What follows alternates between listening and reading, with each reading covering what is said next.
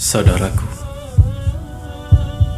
akhirnya kita harus sadar bahwa dunia ini adalah episode kehidupan kita yang paling singkat. Setelah episode dunia kita usai, kita akan beranjak ke sebuah kehidupan baru bernama alam kubur. Di alam kubur itu, kita akan menanti dan menanti hingga usia semesta ditakdirkan usai. Berapa lama penantian itu? Entahlah, hanya Allah yang Maha Tahu tentang seberapa lamanya ia. Yang pasti, ia akan lebih lama dari fase dunia kita. Mungkin ratusan tahun, mungkin juga puluhan ribu tahun. Lalu, setelah itu apa? Kiamat akan terjadi. Kita dibangkitkan kembali untuk sebuah pertanggungjawaban. Kita akan menunggu di padang mahsyar.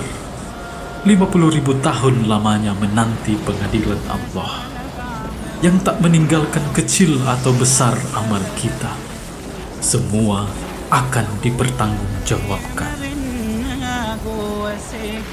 Di sana, kedua kaki ini takkan bergeser sedikit pun hingga hisab dan pengadilan itu usai. Berapa lama pengadilan itu? Entahlah.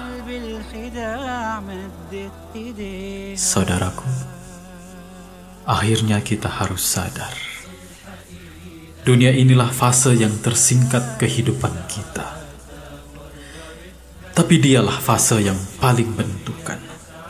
Bahagia tidakmu di episode berikutnya adalah tentang bagaimana engkau melewati hari-hari duniamu. Jadi, apa yang engkau telah siapkan untuk itu? Jika gelap kubur memeluk jasadmu yang lemah, jika malaikat mencecarmu dengan tanya, jika engkau sendiri di kelam barsah tanpa siapa, apa yang akan kau lakukan?